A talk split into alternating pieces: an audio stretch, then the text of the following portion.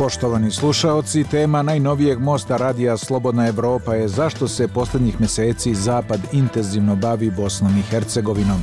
Sagovornici su dva politička analitičara, Adnan Huskić iz Sarajeva i Mladen Bubonjić iz Banja Luke. Bilo reči o tome kako je Sarajevo u posljednje vreme bilo domaći mnogobrojnih poseta visokih zapadnih zvaničnika, uključujući predsjednicu Evropske komisije Ursulu von der Leyen i generalnog sekretara NATO pakta Jensa Stoltenberga. Da li je u pitanju strah od destabilizacije Bosne i Hercegovine? Koliko su na učestale posete zapadnih zvaničnika uticale stalne najave Milorada Dodika o mogućoj secesiji Republike Srpske i da li Dodik stvarno želi nezavisnu državu koja bi imala status Abhazije i Osetije ili preti ocepljenje da bi se izborio za što veću samostalnost Republike Srpske u okviru Bosne i Hercegovine. Razgovaralo se i o tome da li se Zapad boji prevelikog uticaja Rusije u Bosni i Hercegovini, da li bi destabilizacija Bosne i Hercegovine značila i destabilizaciju Zapada, kao što tvrdi nemački ministar odbrane Boris Pistorius. Da li evropski zvaničnici kada govore o evropskom putu Bosne i Hercegovine iskreno žele da je vide u Evropskoj uniji? Kao i o tome, može li Bosna i Hercegovina ući u Evropsku uniju sa Miloradom Dodikom i Draganom Čovićem kao ključnim igračima na njenoj političkoj sceni? Most je pripremio Omer Karabeg. Most radija Slobodna Evropa. Dialogom do rješenja. U današnjem mostu razgovarat ćemo o tome zašto se posljednjih mjeseci Zapad intenzivno bavi Bosnom i Hercegovinom. Naši sagovornici su dva politička analitičara, Mladen Bubonjić iz Banja Luke i Adnan Huskić iz Sarajeva. Gospodine Huskiću, krajem prošle i početkom ove godine visoki zapadni zvaničnici prosto su opsjedali Bosnu i Hercegovinu. Da pomenem samo da je predsjednica Evropske komisije Ursula von der Leyen u tri mjeseca dva puta bila u Bosni i Hercegovini, da je u Bosni i Hercegovini bio i generalni sekretar NATO pakta Jens Stoltenberg, da ne govorimo o premijerima i ministrima iz zapadnih zemalja. Ne pamtim da je od završetka rata toliko visokih zapadnih zvaničnika u tako kratkom roku posjetilo Bosnu i Hercegovinu. Kako vi to tumačite? Otkud tolika navala? Pa prije svega moramo ove sve posjete posmatrati ipak odvojeno, jel, jer se radi o brojnim i bilateralnim posjetama, radi se i posjetama koje su već ranije najavljene nekima koje su ad hoc organizovane, tako da možda u određenoj mjeri možemo govoriti o nekoj vrsti koincidencije da se ovoliki broj ovako visokih zvančnika nalazi u Bosni i Hercegovini u tako kratkom periodu, a sa druge strane mislim da se može to zaista atribuirati i činjenici da je Bosna i Hercegovina zbog više razloga ponovo nekako u fokusu interesa i Evropske unije i Sjevernoatlantskog saveza pa i pojedinih zapadnih država. Tako da imate jedan i drugi element, rekao bih. Kako je vaše mišljenje, gospodine Bubonjiću, otkud tolika navala zapadnih zvaničnika u Bosni i Hercegovini? Trebamo da promišljamo na način da li je zaista Evropskoj uniji stalo toliko do Bosne i Hercegovine po svemu. Mi zaista nismo zanimljivi Evropskoj uniji. Zaista smo malo tržište, a sve više i više se naravno promišlja u tom aspektu. Gotovo smo zanemarljivi po tom pitanju. Veoma je važan aspekt geostrateški. Naravno, vidimo šta se dešava Ukrajini napad Rusije na Ukrajinu vidimo i na Bliskom istoku u Gaži šta se dešava. Dakle, ti sukobi nisu baš toliko daleki od Evrope i postoji naravno spekulacija da bi se veoma lako mogli na neki način preliti na evropski kontinent i prići bliže srcu Evrope. Tako da iz tog bezbjednostnog aspekta Evropska unija polaže pažnju ka Bosni i Hercegovini, ne samo kao Bosni i Hercegovini, već kao ovom prostoru, dakle to je taj zapadni Balkan, da s jedne strane se očuva koliko toliko bezbjednostna situacija i da politički i geostrateški akteri koji izazivaju rat u nekim drugim područjima koji nisu toliko daleki, nemaju veći uticaj na ovom području, baš iz tog razloga se pokazuje veće interesovanje za ovo područje. Gospodine Huskiću, da li zapadne zvaničnike u Bosnu i Hercegovinu pre svega dovodi strah od secesije Republike Srpske, koju je krajem prošle i ove godine stalno najavljivao predsjednik Republike Srpske Milorad Dodik, mada posljednjih dana nešto manje govori o tome? Pa sasvim sigurno da zadnjih nekoliko godina Bosnu i Hercegovinu promatraju kroz e, prizmu destabilizacije, tačnije cijeni se da su politički akteri u Bosni i Hercegovini sobstvenim djelovanjem prevazišli ono što se mislilo da je neupitno, to je sigurnost, stabilnost Bosne i Hercegovine i da se zaista počelo o tome govoriti da Bosna i Hercegovina može eventualno postati neko novo žarište. Vi ste imali čak i informacije koje su dolazle i od ukrajinskog predsjednika Zelenskog kako su Bosna i Hercegovina, Kosovo, naredna žarišta koja Rusija kroz svoje proksije ili na određen indirektan način želi da otvori unutar Evrope. Imali smo onaj e, incident e, na Kosovu u Banjskoj koji je pokazivao da je ovdje stabilnost tekako narušena u regiji. Tako da u određenoj mjeri Milorad Dodik i njegovo djelovanje predstavlja samo jedan aspekt ukupno loše sigurnosne situacije u regiji. Kada razgovarate sa zvaničnicima iz e, Eufora, uvijek oni naglašavaju to da su trupe tu na terenu, da se radi o objedinjenoj komandi za Kosovo i za Bosnu i Hercegovinu. Međutim, mislim da ipak sazrijeva na zapadu razumijevanje situacije koja kaže da ono što se pokušava trenutno uraditi ovdje insistira se samo na tome da postoje trupe i da će sve ostalo doći samo po sebi, ipak nije dostatno. Tako da vidim da se i pitanje ekonomije sve više uključuje u sve to, tako da se zaista može govoriti po prvi put o tome da se pojavljuje geopolitičko promišljanje koje dominira u razmišljanjima što se regije tiče. Dakle, na površinu ponovo isplivava geopolitika i to je u stvari ono što ključno određuje dalje djelovanje zapadnih aktera u Bosni i Hercegovini. Gospodine Bubojniću, mislite li vi da visoke zapadne zvaničnike pre svega u Bosnu dovodi strah od secesije Republike Srpske, što bi moglo teško destabilizovati Bosnu i Hercegovinu i dovesti do njene propasti? Naravno, postoji i ideja, postoje čak i izvjesne radnje na tom polju, ali teško da se može secesija u punom kapacitetu sprovesti. Jednostavno nema kapaciteta za to. Republika Srpska ni po čemu nije sposoban u ovom trenutku da sprovede jedan takav čin, ni logistički, ni vojno, ni finansijski. Mislim da su ne samo u Europsku uniju, već uopšte na zapadu svjesni toga. Dakle, to je faktički i suštinski, a s druge strane na narativnom polju i tekako opterećuje odnose ne samo Bosne i Hercegovine, nego uopšte i u regiji i šire konstantne prijetnje i uslovljavanja, naravno tu imamo i političke trgovine i cjenkanja i sve ostalo,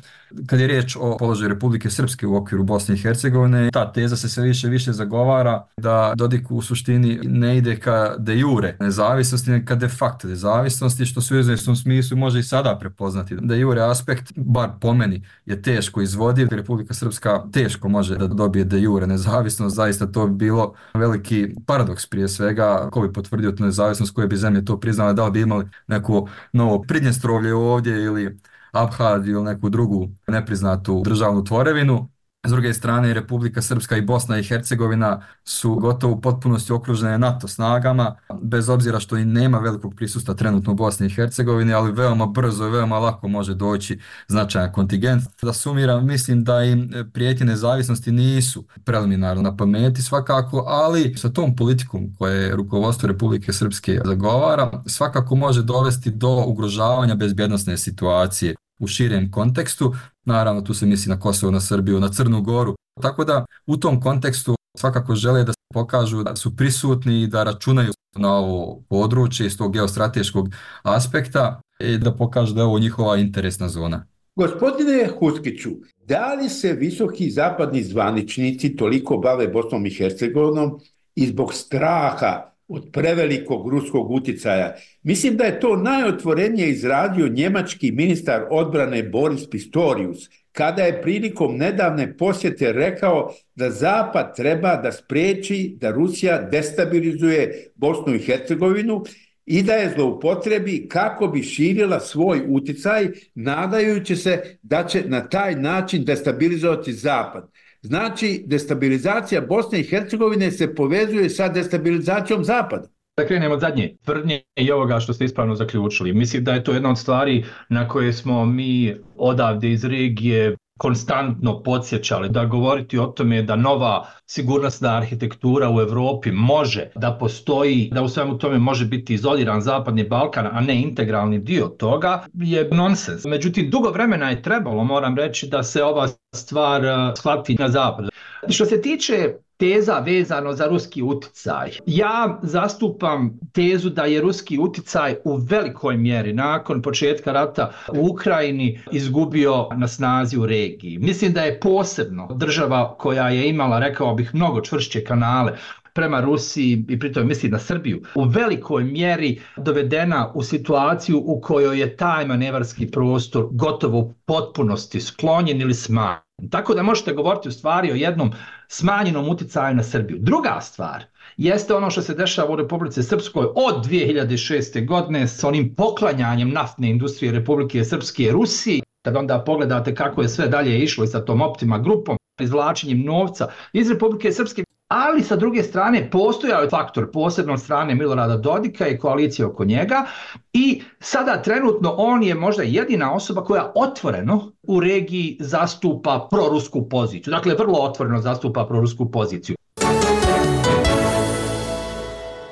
Poštovani slušalci, pratite Most Radija Slobodna Evropa, u kome se razgovara o tome zašto se posljednjih mjeseci Zapad intenzivno bavi Bosnom i Hercegovinom. Sagovornici su dva politička analitičara, Mladen Bubonjić iz Banja Luke i Adan Huskić iz Sarajeva. Voditelj je Omer Karabeg. Gospodine Bubonjiću, mislite li vi da se Zapad boji prevelikog utjecaja Rusije u Bosni i Hercegovini? U izvjesnoj mjeri da, svakako samo ne možemo posmatrati u tom kontekstu kad je riječ o uticaju Rusije ili ruskoj sfernoj zoni, ne možemo posmatrati Bosnu i Hercegovinu izolovano. Ovo je dio jedne globalne geopolitičke igre moći, interesa, uticaja.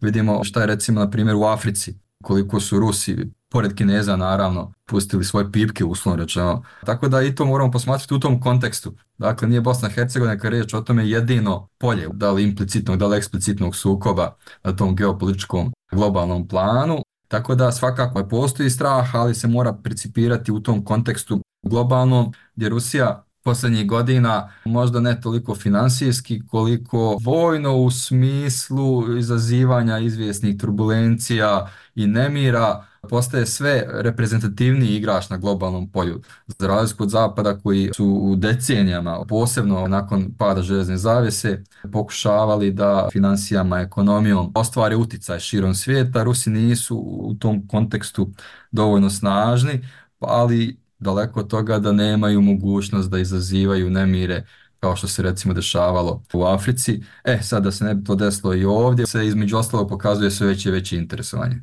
Gospodine Bubonjiću, a kako Rusija širi svoj uticaj u Bosni i Hercegovini? Ruski zvaničnici ne dolaze u Bosnu i Hercegovinu, u stvari i ne mogu. Najviše simpatija e, prema Rusiji, da li prema državi, da li prema ruskom narodu, prema ruskoj kulturi, prije svega prema tom uslovno duhovnom aspektu, kulturnom aspektu pokazuju Srbi, srpski narod ovdje, dakle ne samo u Bosni i Hercegovini, nego u Srbiji, Crnoj Gori, gdje god se nalaze i to je simptomatično da osim te kulturne i duhovne povezanosti nema nekog značajnijeg uticaja. Evo pogledajmo na primjer procenat ulaganja Rusije u Bosnu i Hercegovinu. Ne znam da se nalaze među prvi deset zemalja koji su investitori u Bosnu i Hercegovinu. Po tom aspektu zaista nisu reprezentativni nemaju veliku ulogu i veliki značaj, ali iz tog kulturološkog aspekta ostvarujete kakav značaj zato što se pozivaju na kulturnu, duhovnu, istorijsku povezanost, vjersku povezanost i na taj način ostvaruju svoj interes i to nekad zaista može biti i jače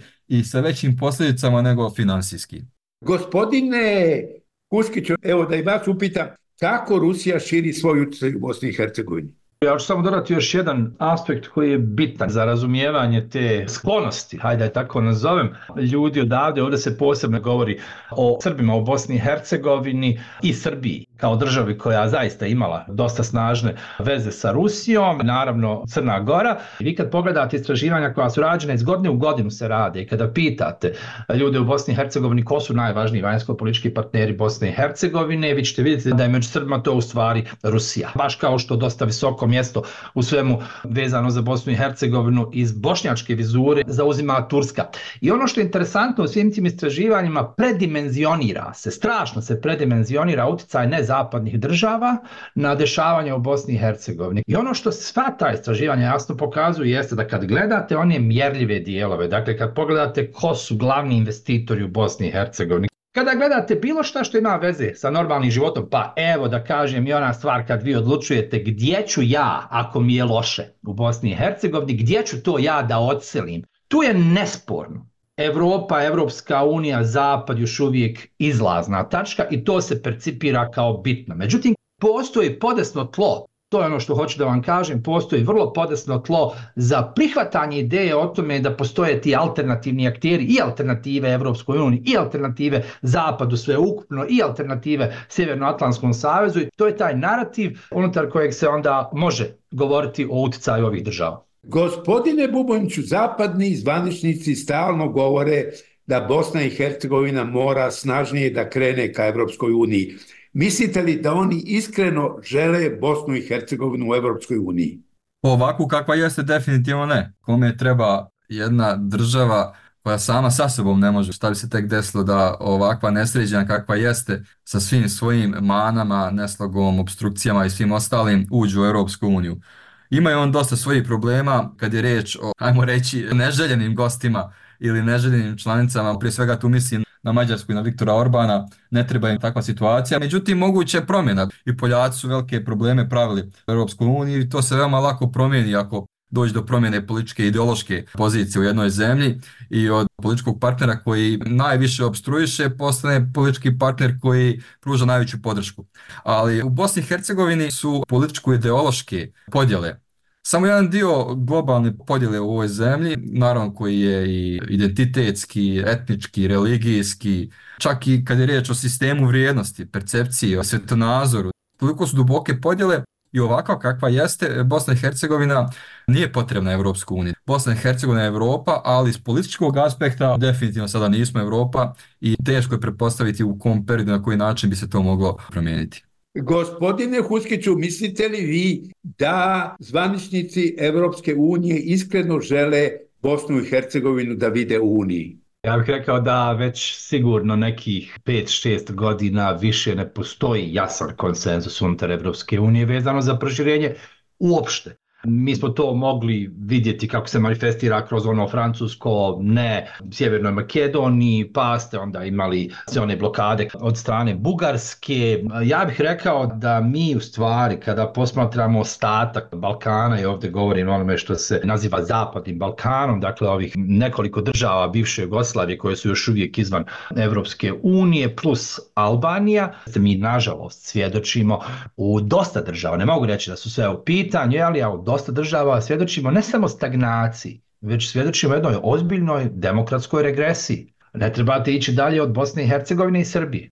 Te dvije države, posebno Srbija, pokazuju vrlo ozbiljne elemente autoritarizma. Vi imate u Bosni i Hercegovini situaciju gdje se može jasno govoriti o demokratskoj regresiji. Vi imate naglašenu tu demokratsku regresiju zbog centralističkog uređenja u Republice Srpsko, oličene u Miloradu Dodiku kao centralnoj, ključnoj, neizbježnoj političkoj figuri na političkom nebu Republike Srpske. Dakle, jednom gotovo pa rekao bih autoritarnom vladaru Republike Srpske. To su stvari koje bi trebalo da su nespojive sa približavanjem Evropskoj uniji. Dakle, mi imamo jedan problem koji nije samo naš. Opet kažem, Bosna i Hercegovina ima uvijek dodatne neke patine svih problema, međuetnički odnosi, istorijsko breme i tako dalje.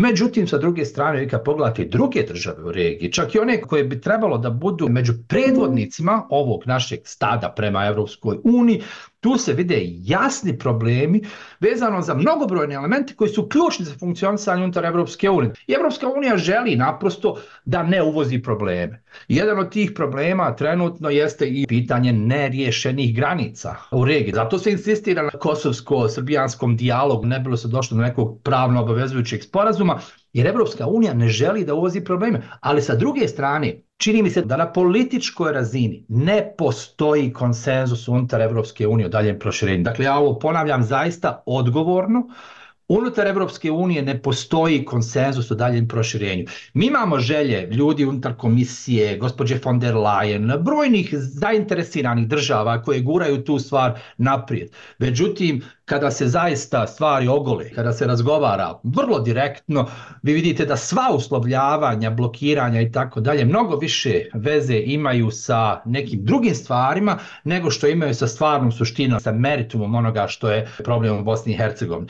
Iako pogledate napredovanje Ukrajine i Moldavije, to moram zaista reći, ja znam da ovo možda zvuči ružno sada sa moje strane, ali ja moram to tako poredati jer čini mi se da je tako najzdravije da kažem. Dakle, dvije države od kojih se jedna nalazi jednom brutalnom ratu i mislim da se ne može govoriti o tome da postoji bilo šta. Rat je sam po sebi suspenzija prava.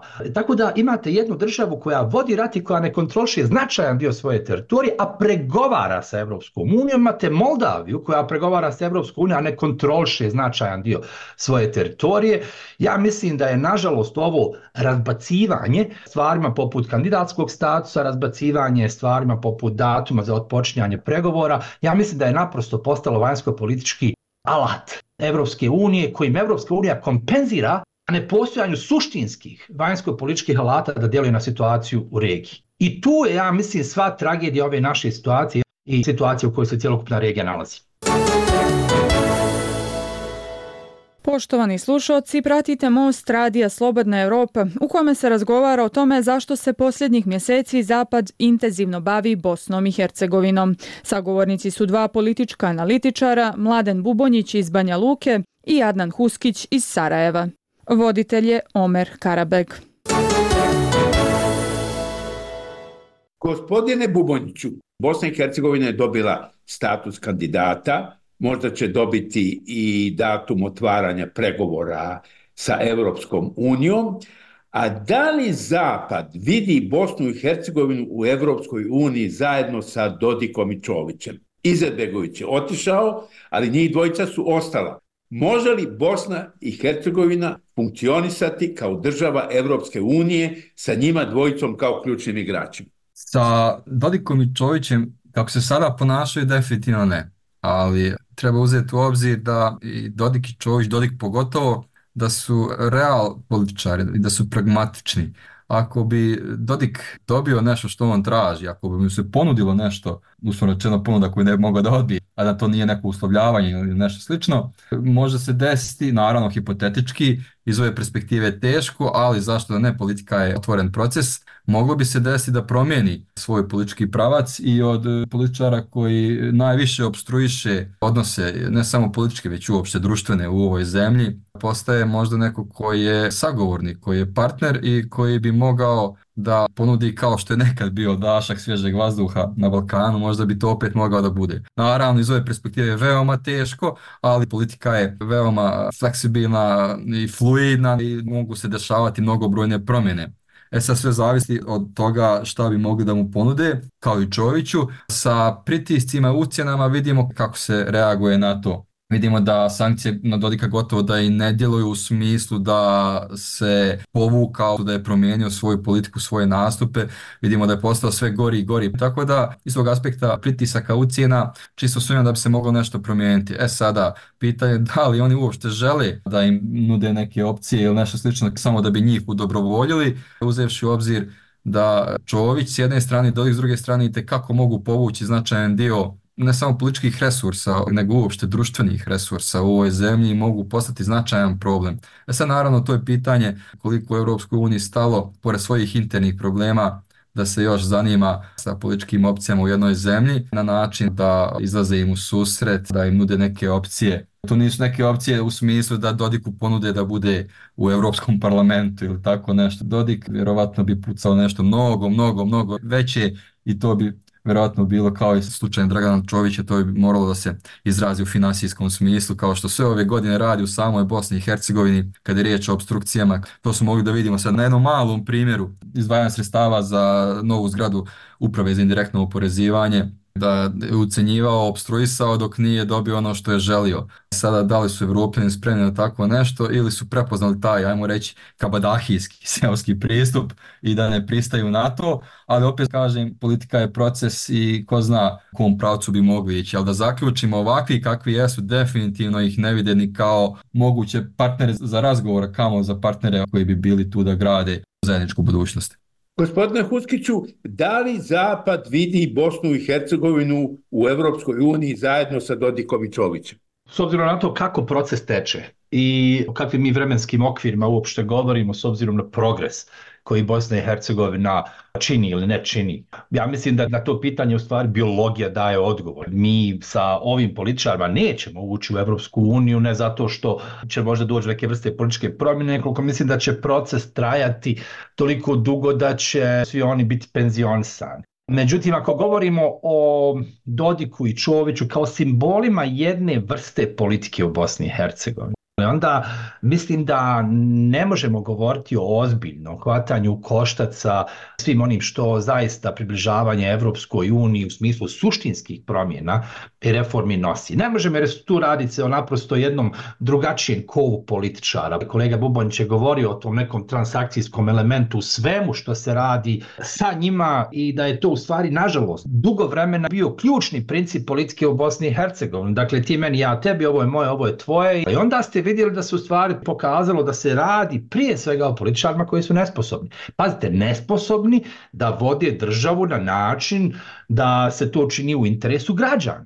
Da se razmišlja o ekonomskom napretku, to ne. Ali da se stvaraju problemi, da se prebacuje ogroman javni novac u privatne džepove, to da. I to je ona stvar koja nas trenutno treba da brine. Činjenica da svjetonazor u politici, činjenica da prakse u politici su nažalost takve kakve jesu i one neće moći omogućiti Bosni i Hercegovini da se pomakne jedan milimetar. Ja govorim o suštinskom pomicanju, ne govorim o ovim geopolitičkim razmatranjima tipa treba li Bosna i Hercegovina sada da dobije datum ili ne, jer ovo nikakve veze, nema više sa kriterijima. Ali za suštinske reforme, ja mislim da imate dva problema. S jedne strane imamo tu i takvu politiku, i imamo takav izborni proces, kilav, nikakav, netransparentan, koji rezultira nečim što nema blage veze sa preferencijama građana, kroz ucijenjivanje, kroz eh, vođenje nefer kampanja. I sa druge strane imate, rekao bih, je vrlo slab pul od strane Evropske unije upravo zbog nedostatka jasne želje da se regija Zapadnog Balkana integriše u Evropsku uniju. To su dva procesa koja nas dovode u ovu situaciju nemanja energije, indolentnosti, neželje kod građana. Vidite da ne postoji nikakav interes za Evropsku uniju. Neće niko dobiti izbore na tome što će reći mi ćemo napraviti ove stvari, pa će Bosna i Hercegovina napraviti par koraka naprijed na ovom dugotrajnom putu prema Evropskoj uniji. Naprosto to nije tema. Vi imate ljude koji su razočarani, ljude koji uglavnom napuštaju državu, posebno mladi ljudi, teško je, užasno je teško argument argumentovati prema njima i reći im ne, treba ostati jer za Boga nakon 10, 15, možda 20 godina Bosna i Hercegovina možda postane i punopravna članica. To kad govorite nekome koji ima 18 godina, to je unaprijed izgubljena bitka. I na kraju, gospodine Bubonjiću, kakav je efekat ovih silnih zapadnih posjeta Bosni i Hercegovini? Da li će Bosna i Hercegovina u martu dobiti datum za početak pregovora o ulasku u Evropsku uniju? Mislim da ne. Kako je vaše mišljenje, gospodine Huskiću? Iako bih volio da hoće, mislim da neće. Evo, ja bih završio ovaj razgovor. Hvala, gospodine Huskiću. Hvala vama. Hvala, gospodine Buboniću. Hvala vama. Bio je to most u kome su naši sagovornici bili dva politička analitičara, Mladen Bubonjić iz Banja Luke i Adnan Huskić iz Sarajeva. Posrednik u razgovoru bio je Omer Karabek. Most Radija Slobodna Evropa. Dialogom do rješenja.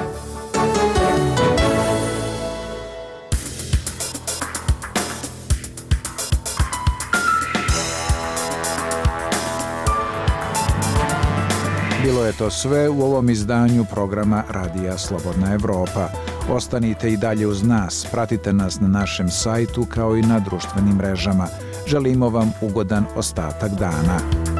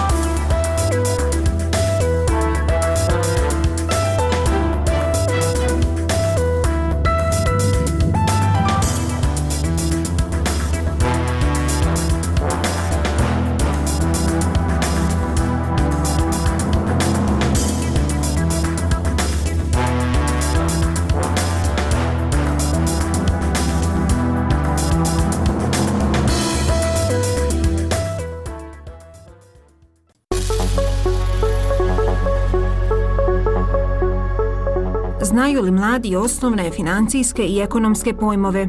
Što je burza, što kamata, a što račun za štednju?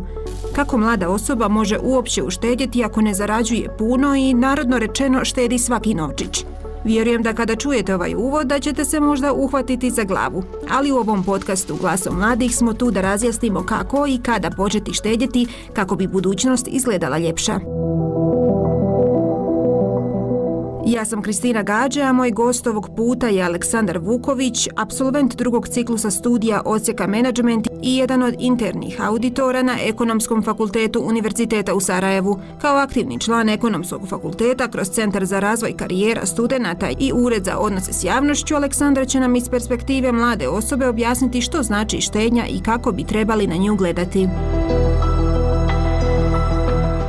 Prije našeg razgovora, evo što mladi u Sarajevu misle o štednji i mogu li uopće uštedjeti. Poslušajmo što kažu Neila Emšo, Ana Imanović, Muhamed Mustafa i Omer Muminović. S obzirom na ta jako niska primanja i male plate, niste u mogućnosti da, da izdvojite.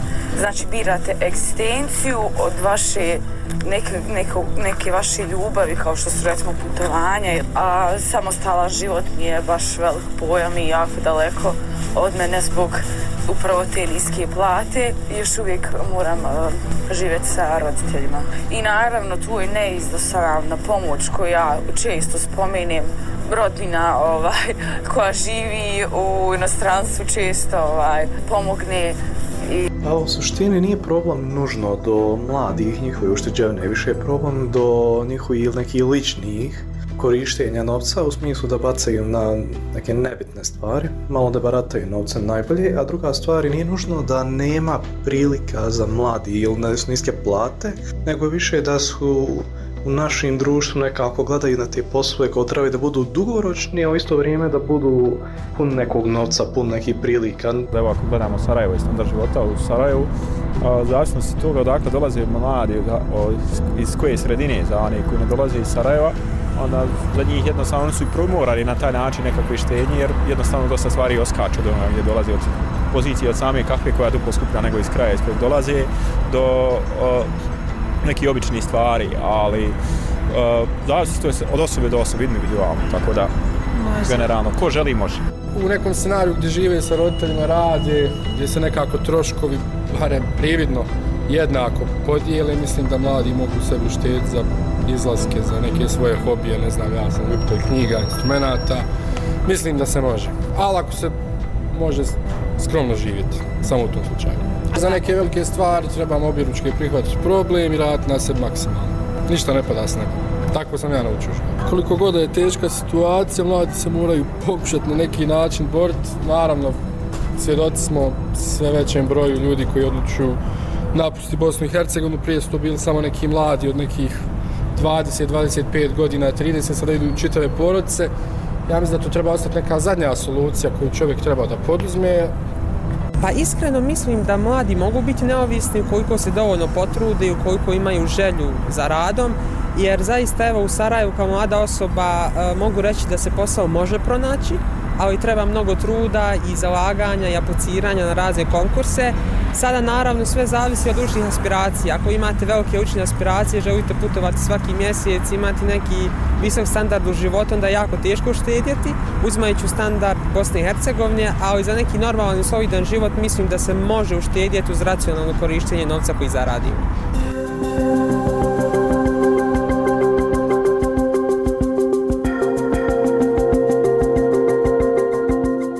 Aleksandre, hvala što si se uključio da budeš dijelom našeg podcasta Glasom mladih i što pričamo na ovu temu financijske pismenosti koja je jako bitan pojam u Bosni i Hercegovini, a saznaćemo i zašto. Hvala tebi, draga Kristina, na pozivu. Zaista mi je zadovoljstvo što sam danas ovdje i što možemo razgovarati o veoma značajnoj temi, kako za mlade, a ja bih rekao i ali za starije stanovništvo Bosne i Hercegovine. Aleksandre, absolvenci drugog ciklusa studija Ekonomskog fakulteta Univerziteta u Sarajevu, Sarajevu, ocijek management. Da. Što je za tebe kao studentu štednja? Kako bi definirao taj pojam? Mislim da je štednja sve ono što odvajamo sa strane, jeli, mogu tako slobodno reći, kako bi sebi priuštili nešto što dugo vremena želimo. Naravno, ne mora to biti samo nešto materijalno, to može biti i odlazak na neku drugu destinaciju van granica jeli, zemlje u kojoj živimo ili može biti odvajanje novca za neki poklon koji želimo jeli, da a, poklonimo nekoj našoj dragoj osobi, ali isto tako štednja ne mora nužno biti odvajanje za uslugu ili za proizvod koji želimo da kupimo, znači ona može isto tako da e, ima i dugoračan karakter, odnosno da putem banaka ili osiguravajući društava štedimo za dane kada e, ne budemo više radno sposobni, odnosno kada ne budemo više u radnom odnosu, da štedimo za penziju i da nam se novac uz adekvatnu kamatu na banci, jel ukoliko nam je novac e, na banci, ukoliko štedimo putem banke, raste onaj vremenom i da na taj način uh, uživamo taj novac kada odemo u penziju. Reci mi u razgovoru sa evo mladima i sa studentima ekonomije, je li oni štede? Koliko je za njih to praksa štedjeti i misliti tako na budućnost? A koliko oni su spremni misliti o štednji i neki novac koji zarade staviti sa strane? Evo, nekako u djetinstvu smo imali onu kasicu, prasicu i kad smo imali taj iznos koji smo skupili, veselili smo se da ga potrošimo. Koliko da. mladi to danas rade? Iz perspektive studenta ekonomskog fakulteta, a, s obzirom na predmete koji studenti slušaju na prvom i na drugom ciklusu studija, a oni se jeli, odnose na finansijski menadžment, na bankarstvo i sve ono što se a, tiče samog novca, oni su upoznati sa a, štednjom, odnosno upoznati, upoznati su sa tim, sa tim svim procesima kako novac teče, odnosno kroz koji određeni vremenski period oni mogu da dobiju a, svoj novac i da je zapravo najbolja investicija ulaganja u sebe. Pojedini studenti naravno ulažu novac u, u svoje školovanje, dakle na master studije ili na određene kurseve ili možda upišu studij van granica Bosne i Hercegovine, dok drugi jeli štede možda za neke proizvode i usluge koje žele priušti ili sebi ili drugima. Za druge mlade ja vjerujem da je sada tako da kažem pogodan period ne samo kod nas nego i u regionu da se štedi.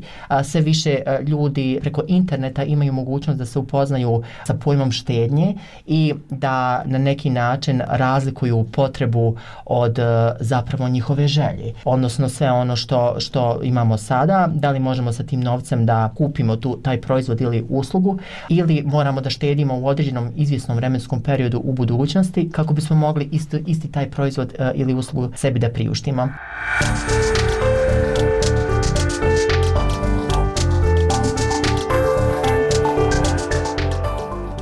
Istraživanje Internacionalnog univerziteta u Sarajevu da pokazuje da postoji umjereni nivo financijske pismenosti u Bosni i Hercegovini. Što studenti ekonomije proučavaju na fakultetima, je li im potreban taj vizualni aspekt i primjer iz prakse da bi oni razumjeli te financije? Pa, znate kako, mnogi studenti pa i samo stanovništvo je e, kroz internet i televiziju upoznato sa određenim e, financijskim finansijskim pojmovima, ali mnogima to zvuči strano zato što e, se u, ne susreću baš e, često sa tim e, terminima, pogotovo e, učenici i studenti koji, koji nisu pri ekonomskoj struci, tako da kažem, predmeta u srednjoj školi ili nisu na ekonomskim fakulteti, na fakultetima pri univerzitetima. Stoga je veoma važno da edukacija o finansijskoj pismenosti krene od najranije dobe, dakle da se putem edukacije u osnovnim i srednjim, naravno, školama priča o finansijskim osnovnim pojmovima,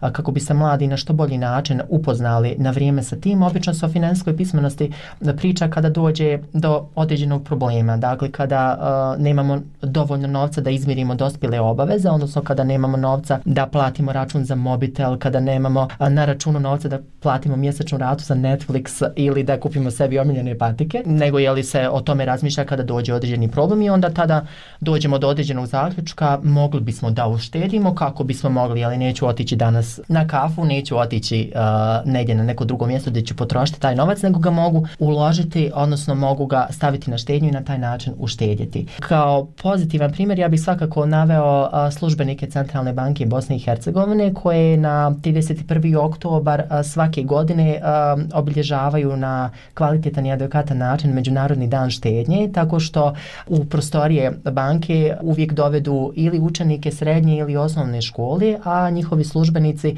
odlaze po školama kako u Republici Srpskoj tako u Federaciji Bosne i Hercegovine i posjećuju maličane uh, i pričajući im jeli na taj način o štednji, o novcu i svemu onome što bi ono najranije dobi svakako trebalo da znaju o osnovnim finansijskim pojmovima. I što se tiče studenta, njima je svakako vizuelni aspekt veoma važan. Kroz predmetne vježbe, pored predmetnih predavanja, studenti svakako imaju e, priliku da se susretnu sa case studijima i sa praktičnim primjerima kako iz Bosne i Hercegovine, tako i iz regiona, na način gdje se mogu upoznati sa svema onima što su učili na predmetnim predavanjima, pa isto tako i o osnovnim pojmama iz financija, iz bankarstva, iz ekonomije uopšte. Drugih jeli, finansijskih institucija koji iz svog ličnog iskustva pričaju na koji način mladi mogu da se na adekvatan i što bolji način u, od ranih dana upoznaju sa finansijskim terminima i da se a, finansijski a, što bolje opismene. I naravno tu su određeni testovi, tu su određeni kvizovi koji profesori su zavisi ili od predmeta i od samog vremena na koji oni mogu da posvete studentima, a, ali oni se zaista kroz a, tu ekonomske, tako da kažem, struku predmeta poput finansijskog menadžmenta, bankarstva i sam zapravo ocijek, imamo ocijek ekonomiju i menadžment i visoku poslovnu školu, odnosno poslovno upravljanje koji se bave zapravo s tim, pa onda kasnije smjerove na a, menadžmentu, finansijski menadžment, jeli, ili samo bankarstvo, ekonomija a, i financije koje se bave upravo tim terminima i stvarno studenti po završetku prvog ciklusa studija, odnosno ti smjerova i te kako znaju da, da prepoznaju te finansijske termine odnosno, i da se finansijski opismene kako bi mogli evo danas sutra podići kredit uh, u banci. Je li se trebaju ti smjerovi financijske pismenosti raširiti na ostale smjerove? Pa što se tiče ekonomskog fakulteta, o finansijskoj pismenosti se ne priča samo na o, smjeru finansijski menadžment, odnosno na ocijeku a, menadžment, već se priča podjednako i na drugim ocijecima, odnosno smjerovima. Naravno, mnogi kandidati koji upisuju fakultet i ne znaju baš razliku između ocijeka i, i smjera, pa bi evo svakako bilo dobro naznačiti to. Dakle, ocijek je studijski program i njih ima uh, i na bosanskom, hrvatskom i na srpskom jeziku, a imamo i na engleskom jeziku i to se dakle izučava prve dvije ili tri godine, uh, dok se smjer bira ili na drugoj ili na trećoj godini. I tako da se smjer može svakako odabrati među kojima je li bankarstvo ili, ili drugi je li smjerovi koji se bave finansijskom pismenošću i svim tim osnovnim pojmovima. I zašto ističem finansijski menadžment? Zato što je to zaista smjer koji može da adekvatno znanje studentima podari upravo iz finansijske pismenosti ili naš smjer koji realizujemo a, na engleskom jeziku gdje studenti na engleskom jeziku se upravo upoznavaju sa osnovnim terminima finansijske pismenosti gdje su zaista, zaista ono onako opismenjeni, mogu slobodno tako da kažem kada završe studij. E, isto tako je vrijedno za napomenuti i ekonomsku olimpijadu koju ekonomski fakultet u saradnji sa liberalnim forumom organizuje drugi put i to na ekonomskom fakultetu. Dakle, to je takmičenje koje obuhvata e, srednjoškolce iz skoro cijele Bosne i Hercegovine. Finale tog takmičenja bilo je održano uh, u junu, dakle imamo nacionalno takmičenje i imamo regionalno takmičenje, nacionalno takmičenje obično bude van granica uh, Bosne i Hercegovine, to je prošle godine a, bilo svakako na našem fakultetu i a, tu se srednjoškolci a, upoznavaju sa svim osnovnim terminima kako a, iz finansijske, iz, tako iz financija, iz ekonomije, iz mikroekonomije, makroekonomije, međunarodne ekonomije i ne izučavaju samo te pobove, već i neku a, istorijsku a, pozadinu ekonomije kao nauke i na taj način ne upoznavaju samo sebe, već i drugare oko sebe koji neće jeli, nastaviti možda studij na ekonomiji, već će možda otići na a, neke druge nauke. Dakle, na svakom ocijeku, jeli prvo, a onda kasnije na svakom smjeru se podjednako razgovara o financijskoj pismenosti.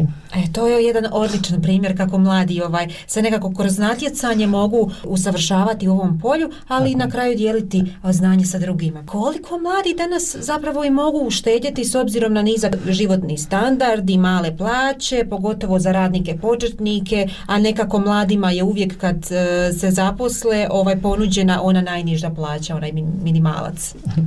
Da, upravo tako. Pa evo, mi smo u Bosni i Hercegovini i zaista nalazimo se na tom na nekom neslavnom drugom mjestu u Evropi po korupciji, a u prvom, na prvom mjestu u regionu. Isto tako je nižak, nizak životni standard, pa i sama inflacija koja ga prati, tako da je mladima veoma teško da odmah kada se zaposle mogu sebi da uh, uštede, odnosno da odvoje novac sa strane, već obično se uh, posežu za tuđim izvorima finansiranja, odnosno podižu kredite u bankama ili mikrokreditnim fondacijama. Možda, možda prije bolje u, ban, tim bolje u banci, uh, zato što su mikrokreditnim fondacijama uh, zaista visoke kamatne stope na novac koji posudite, ali jeli, svako ima, uh, tako da kažem, moć izbora i svako bira ono što mu je u datom trenutku najpotrebnije ili ono odnosno šta je najvažnije. Obično mladi kada se tek zaposle imaju ti neke početničke a, plate, opet to zavisi od sektora. Mi imamo i državni, realni i javni sektor. U tom nekom a, državnom sektoru otprilike se zna da 80% od plate osobe koja ima vaše zvanje u toj instituciji, vi ćete toliko pra, platu primati, odnosno 80%. Dok u ovim ostalim sektorima je nešto malo drugačije, a, zavisi u preduzeću u kojem jeli, onaj se zaposlite za početak, vi imate zaista odlične a, početne plate na određenim, u određenim preduzećima. To sve zavisi i od osobe. Dakle, neko je, nav, neko je navikao o, od um, svojih ranih godina a, da štede, a, a neko opet je a, navikao a, da mu roditelji priušte sve ono što je skupo i sve ono što je najbolje. Sada to opet jeli, zavisi kolika će ta plata biti i u kojem se sektoru mladi zaposle. Obično mladi žive život onako kako su naviknuti u, u životu sa roditeljima i a neko se opet na neki način mogu slobodno reći i o pameti uh, kada vidi da ne može se sebi priušti ono što je uh, zapravo najbolje, ono što je najskuplje jer će morati odvojiti novac za mjesečne režije, za možda stanarinu ko sebi ko, ko na primjer dolazi iz predgrađa i ko, i ko dolazi iz okolnih sela na primjer u Sarajevo. Oni su uh, svakako spremni da e, uh, za početak uh, iznajme sebi stan, uh, da u tom stanu žive kako bi mogli, jeli, ukoliko se naravno zaposle u Sarajevu ili blizu Sarajeva, da putuju do svog posla. Oni svaki mjesec moraju odvojiti novac uh, za struju, za vodu, za komunalije i za sve ostale jeli, uh, mjesečne potrebšte. Moraju jeli, sebe priuštiti i uh, hranu, platiti uh, vodu uh, i sve ostalo. Naravno i prevoz isto tako se onaj plaća, pa sad to je individualno zaista da li će se kretati sredstvima javnog saobraćaja saobraćaja ili će koristiti taksi. Opet je tijeli, e, sve to zavisi od osobe onaj koja, koja je li koristi sve te a, usluge. A, dakle, kao što sam već spomenuo, tuđi izvor finansiranja su svakako krediti i o njima se ne treba pričati kada dođe vrijeme za to. Kao što sam već rekao, finansijskoj pismenosti se priča kada se pojavi neki problem, jel? pa tad pričamo o štenji, jao, trebali bismo to da uštedimo, trebali bismo jeli, to da sredimo. Ne, o, ka, o kreditu, o kamatama, o budžeti i štenji se treba pričati upravo od najranijih, najranijih doba, pa evo jeli, iz osnovne i srednje škole, ne mora to biti srednja škola koja je iz ekonomske struke predmeta, nastavnici, profesori uh, bi trebali i tekako da pričaju o tome da odvoje jedan možda jed, jedan čas odjeljenske e, zajednice ili možda dva ili više kako bi se svojim učenicima upravo pričali o tome koliko je važno štedjeti i upoznati se sa osnovnim smjernicama za kredit. Naravno, vi se o kreditu možete upoznati i putem interneta, putem web stranica e, Bosansko-Hercegovački banaka, jer one zaista imaju dobre web stranice i možete se jeli, upoznati sa njima, naravno i sa kreditnim službenicima i sa ljudima koji rade u banci. Ali isto tako je lijepo e, kada se vi edukujete o tome i prije samog ulaska u banku i prije nego što se odlučite za kredit, jer i kada, e, kada se kredit e, uzme, odnosno kada se podigne, on se kroz određeni vremenski period mora i vratiti, dakle to vam je zaduženje i tuđi vam je izvor finansiranja, ali ne u onoj visini uh, kojeg ste ga podigli, već u uh, višoj, zato što uh, godinama rade kamate svoj posao i na taj način vi vratite više nego što jeli uh, uzmete. Opet se zavisi jeli od banke do banke, zavisi od kredita do kredita. Mnoge banke, na primjer, od, za uzrast od 16 pa možda 26 ili 18 do 26 godina nude studentske pakete E, gdje vi imate jeli, svoju platnu karticu, imate svoj tekući račun, e, vama na taj e, tekući račun prispjeva stipendija, može vam novac jeli, svakako roditelj uplaćivati na taj račun i onda vi s pomoć tog novca financirate svoje tekuće obaveze koje imate.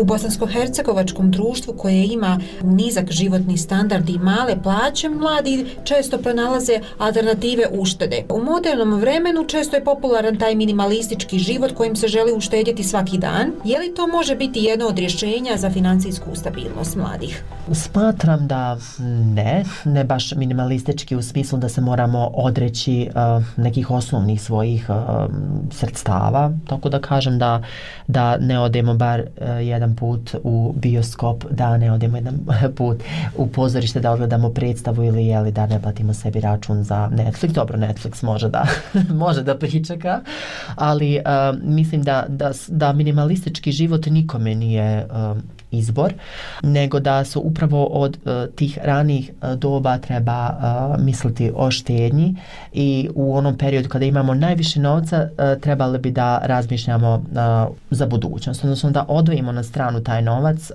obično bi to e, trebalo da se položi u banku, vi imate svakako i oročeni račun u banci gdje možete da novac e, oročite na određeni vremenski period i dok ne istekne taj vremenski period vi ne možete taj novac da podignete. To je na neki način ono imam taj siguran novac i neću ga podizati, a i ne mogu i sve da hoću dok ne isekne taj određeni a, vremenski period koji je banka jeli, onaj, dala, a, koji su naravno korisnici tih usluga potpisali.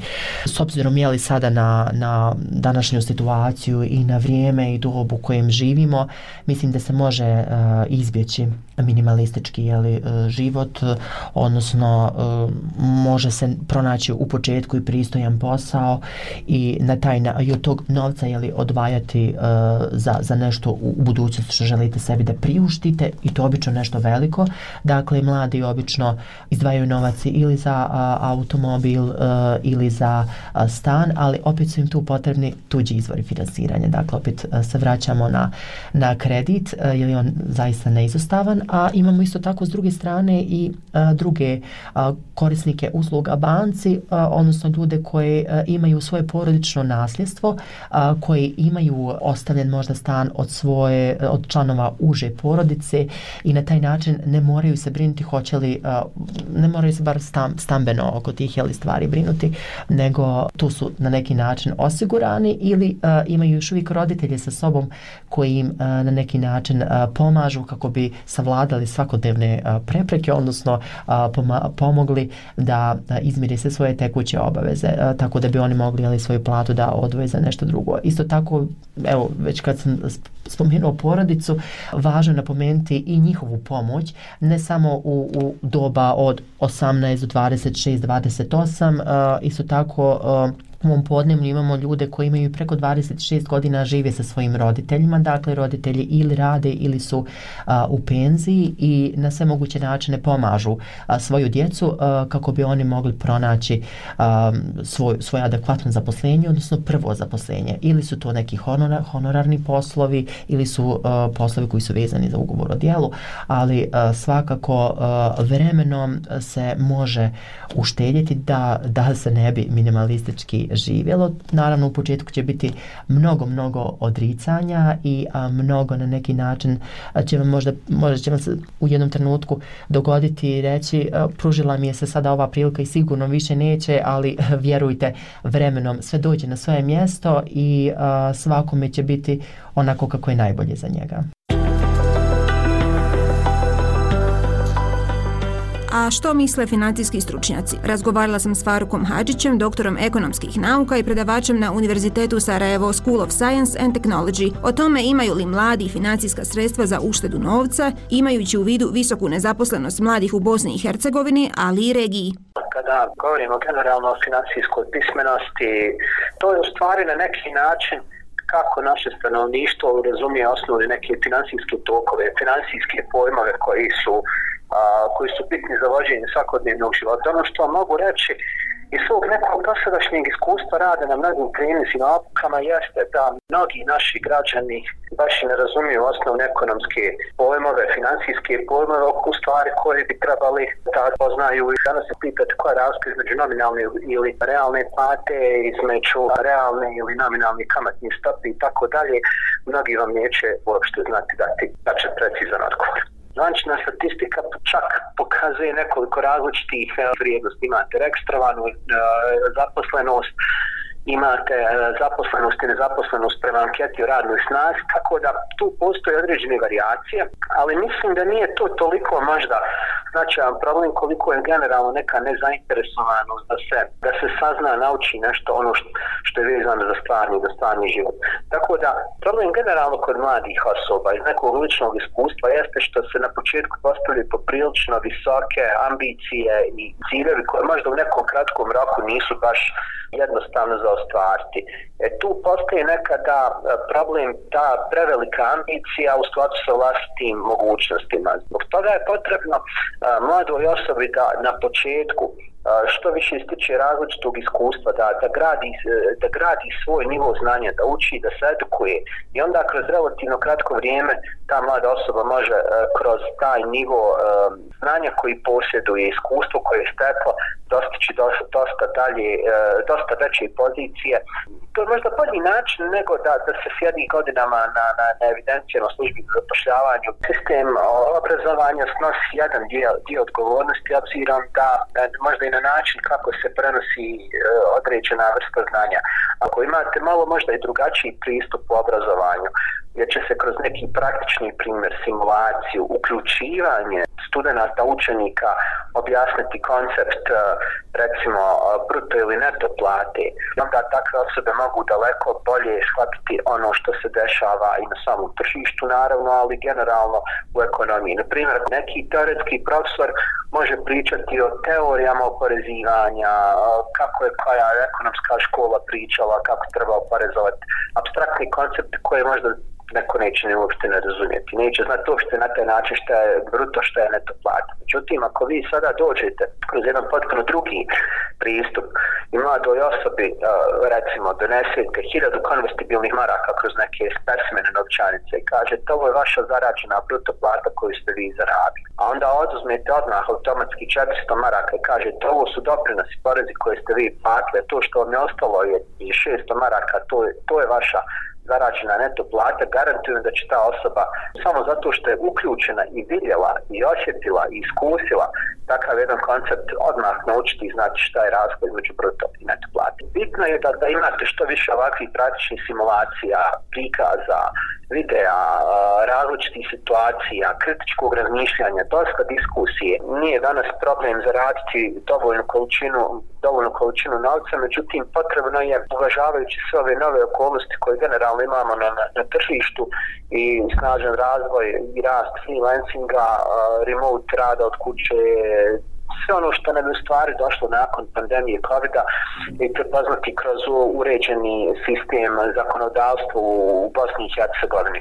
U tom kontekstu potrebno je sigurno razmišljati o napređenju zakona o radu gdje bi se te pojedine nove kategorije uvele u zakon o radu, prepoznale jer nije problem platiti porez ali je, uh, ili, ili neki doprinos ili neku drugu taksu, ali je vrlo bitno da, da imate uh, i određeni benefit korist od toga što vi plaćate, jer to je ono što danas mi u stvari nemamo u Bosni i Hercegovini kod tih takvih mlađih osoba. Što se tiče generalno regija, i, i Bosna i Hercegovina, tu postoje vrlo skromni napredak, pogotovo ekonomski napredak, pogotovo na putu ka Evropskoj uniji, tako da mi nekako uh, previše naglašavamo ovu političku uvijek dimenziju napredka prema Evropskoj uniji, zanemarujemo ovu ekonomsku dimenziju. U prvim pasima ekonomske sekcije, ekonomskog kriterija navedeno da je Bosna i Hercegovina tek na začetku onoga što se zove tržišna ekonomija. Jako puno možete naći besplatnih kurseva, jako puno video materijala gdje možete do, mnogo toga naučiti.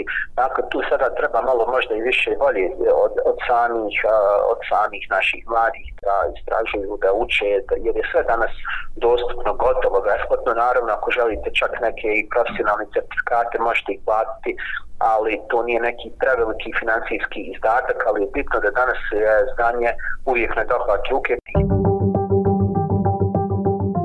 Kako sada razumijemo novac i hoćemo li dva put razmisliti prije nego ono što je namijenjeno za ušteđevinu, odmah potrošimo. Moć novca je velika, ali i naša moć odlučivanja gdje treba ići ono što zaradimo. Odabrati lagodnu sadašnjost ili ljepšu budućnost, pitanje je sad.